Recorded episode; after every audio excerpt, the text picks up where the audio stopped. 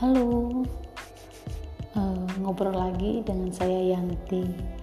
Uh, teman-teman pasti sudah mendengar ya berita yang lagi viral saat ini ya uh, terkait dengan pernyataan seorang uh, pejabat publik yang menyatakan perempuan bisa hamil karena berenang bersama lawan jenisnya di kolam renang. Ini menuai kritik tajam ya di masyarakat dan juga beberapa pihak yang kompeten ya di bidang itu mereka juga memberikan uh, jawaban-jawaban uh, terkait dengan pernyataan itu. Dan akhirnya si ibu itu minta maaf uh, dalam harian kompas.com yang saya baca dikatakan si ibu itu memberikan keterangan tertulis dengan mengatakan saya meminta maaf kepada publik karena memberikan statement yang tidak tepat jadi akhirnya ya minta maaf juga. Uh, tapi saya tidak akan membahas mengenai berita itu ya. Kita tidak akan ngobrolin itu. Tapi saya dapat ide mengenai maaf meminta maaf bagi sebagian orang meminta maaf itu tidak oh, sulit ya tidak masalah. Uh, tapi sebagian lagi minta maaf itu terkadang sangat sulit. Uh, kenapa ya begitu? Kalau minta maaf itu mudah ya nggak jadi masalah. Selesai sudah masalahnya kan gitu ya. Tapi kalau minta maaf itu sulit pasti masalah bisa berlarut-larut kan? Nah saya mau membahas itu dalam uh, beberapa segmen ya. Ya ada tiga setidaknya tiga topik yang mungkin saya akan obrolin dengan teman-teman ya. Yang pertama mengapa apa alasannya seseorang itu begitu sulit minta maaf? Lalu yang uh, kedua ketika minta maaf apa yang dibutuhkan? Nah dan yang terakhir sebenarnya meminta maaf itu apa sih manfaatnya? Kenapa kita harus melakukan? Kan gitu kalau nggak ada manfaat ya ngapain? Nah ketiga hal itu kita akan bahas dan hmm, ya saya harap ya teman-teman uh, betah ya mendengarnya dan juga dapat manfaat ya kita dapat manfaat dalam obrolan ini. Baik uh, topik yang pertama saya langsung aja ya bahas di uh, segmen berikutnya.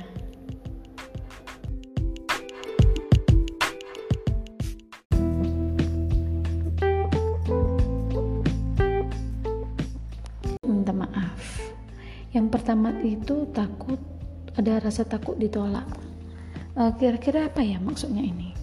Ya, kadang kadang-kadang kita merasa ragu untuk minta maaf itu karena mungkin karena kita rasa ada rasa takut ditolak.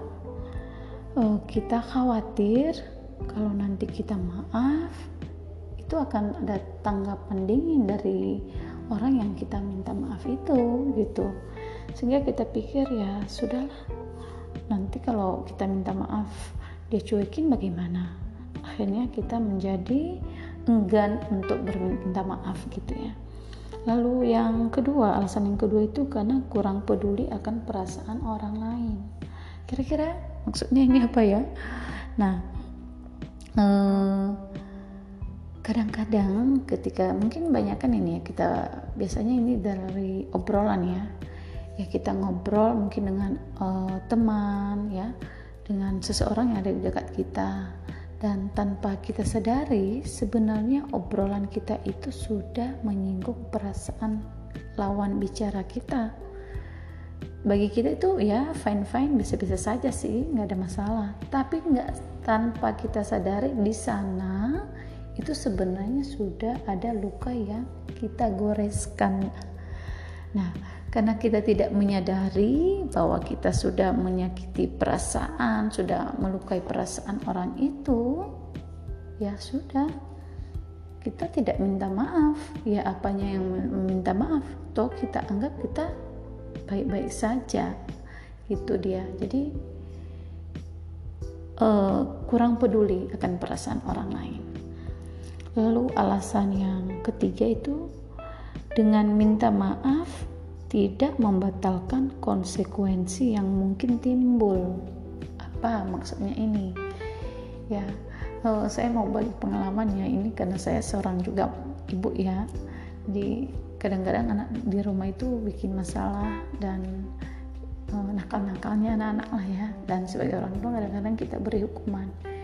Ya, karena mungkin ada kadang-kadang ya udahlah anaknya nggak minta maaf toh juga dihukum katanya. Aku selesaikan hukumannya. Jadi yang ngapain minta maaf? Nah, atau juga di jalan ya kadang-kadang ya ada uh, mobil ya mungkin segi uh, jalan mungkin senggolan ya mobil ya apa uh, sama motor. Kadang-kadang itu bisa membuat ada kerugian ya tergores atau apalah. Ya seseorang mungkin mengatakan ya sudahlah kita bawa aja ke bengkel mobilnya selesai. Toh saya bayar juga. Jadi ngapain lagi harus minta maaf? Nah itulah yang membuat orang jadi uh, sulit minta maaf. Enggan karena ayah sudah saya bayar kok uh, konsekuensinya. Jadi ngapain lagi? Nah, seperti itu. Lalu yang terakhir nah ini dia nih agak susah ini kalau udah udah begini. Karena sombong atau kesombongan Ya, seseorang yang terlalu sombong biasanya enggan mengatakan maafkan saya. Ya, bisa jadi di pikirannya kalau saya akan minta maaf, itu bisa membuat saya kehilangan muka. Ya, tentu saja saya tidak ingin kehilangan muka ya. Dengan mengakui kesalahan itu, itu bisa membuat saya kelihatan lemah. Nah, kalau sudah sombong begini agak susah nih ngobatinnya. uh, jadi keempat itulah yang alasan ya mengapa sulit begitu sulit minta maaf. Yang pertama tadi takut ditolak. Uh, kedua kurang peduli dengan perasaan orang lain. Ketiga tidak membatalkan konsekuensi yang mungkin timbul. Dan keempat karena sombong lalu kalau kita minta maaf apa saja yang dibutuhkan. Nah, kita bahas di segmen berikutnya ya.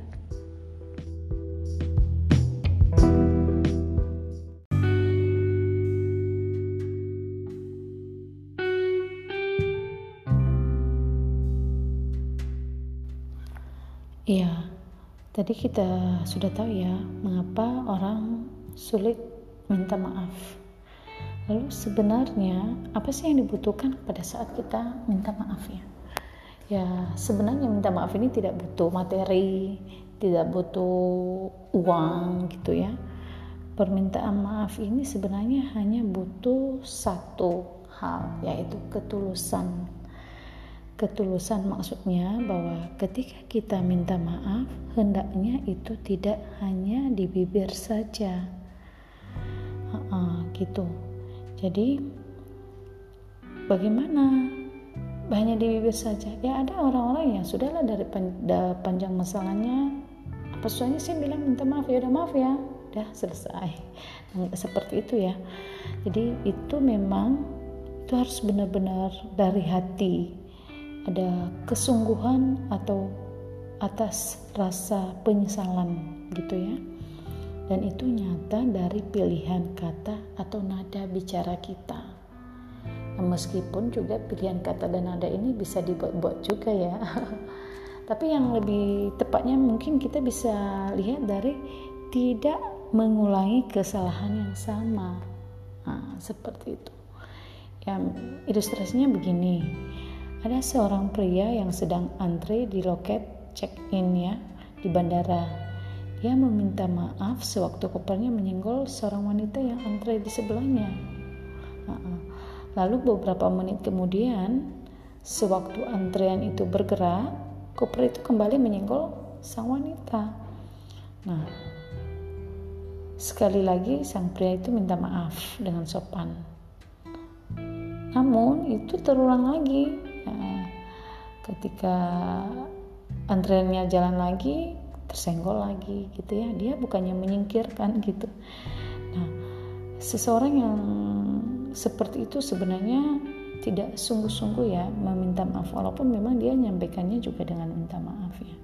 Harusnya ketika dia e, minta maaf itu kan sebenarnya dia juga tidak akan mengulangi hal yang sama kan gitu.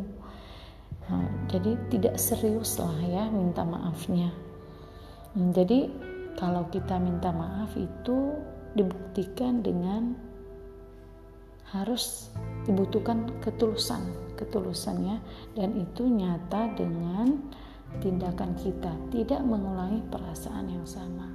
Tuh. Uh, jadi harus tulus ya. Nah, harus serius bahwa kita anggap bahwa ya oke okay, kita salah dan kita tidak akan mengulangi itu lagi. Seperti itu uh, tapi kalau mengulangi lagi ya itu namanya mah asal-asalan hanya di bibir saja kan? Uh, uh, seperti itu. Jadi waktu kita minta maaf itu butuh ketulusan benar-benar dari hati kita yang paling terdalam dan tidak akan mengulangi hal yang sama. Seperti itu. Jadi uh, kita udah tahu ya mengapa sulit minta maaf lalu hal apa yang kita butuhkan saat kita minta maaf? Dan yang terakhir apa sih sebenarnya manfaatnya kalau kita minta maaf? Nah kita bahas di segmen berikutnya.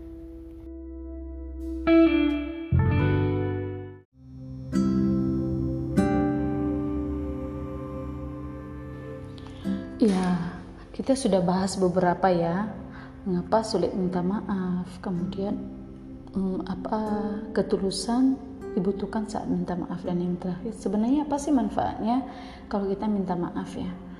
Ya kalau tidak ada manfaat tentu saja buat apa ya kita capek-capek juga gitu kan? Nah sebenarnya apa sih manfaatnya kalau kita minta maaf?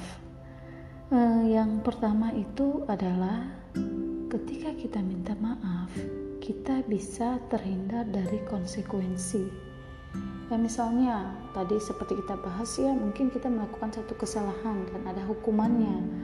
Ya kalau dengan kita minta maaf dengan sungguh-sungguh ya bisa jadi hukuman itu batal tidak jadi gitu kan? Lalu hati kita juga lebih damai. Nah ini yang terpentingnya ketika kita minta maaf kita menyadari bahwa kita sudah melakukan kesalahan biasanya kan itu membuat hati kita itu tidak nyaman gitu ya. Ada perasaan bersalah uh, tidak tenang gitu ya. Pikiran terus mikirin itu gitu. Ya tidak baik kan buat kesehatan juga. Jadi kalau kita minta maaf kita bisa menjadi mm, lebih damai lebih tenang. Dan ini juga uh, efeknya ya kita jadi punya banyak teman gitu ya.